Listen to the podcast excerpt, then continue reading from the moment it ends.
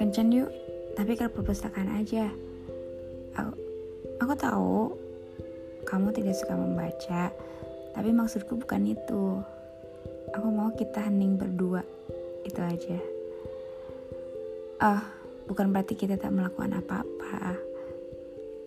Aku hanya ingin memandangmu lama-lama tanpa harus bicara.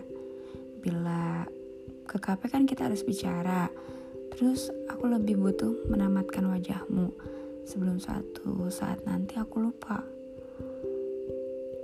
Bisa saja aku lupa, bisa saja suatu saat aku akan bertanya-tanya sejak kapan kita saling mencintai.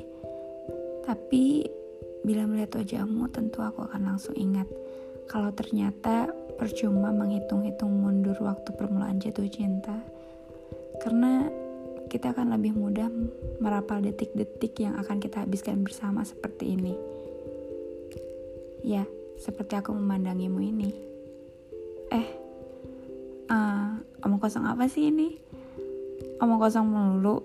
Jadi, ayo ke perpustakaan. Nanti ku ajari mengeja perasaan dalam diam.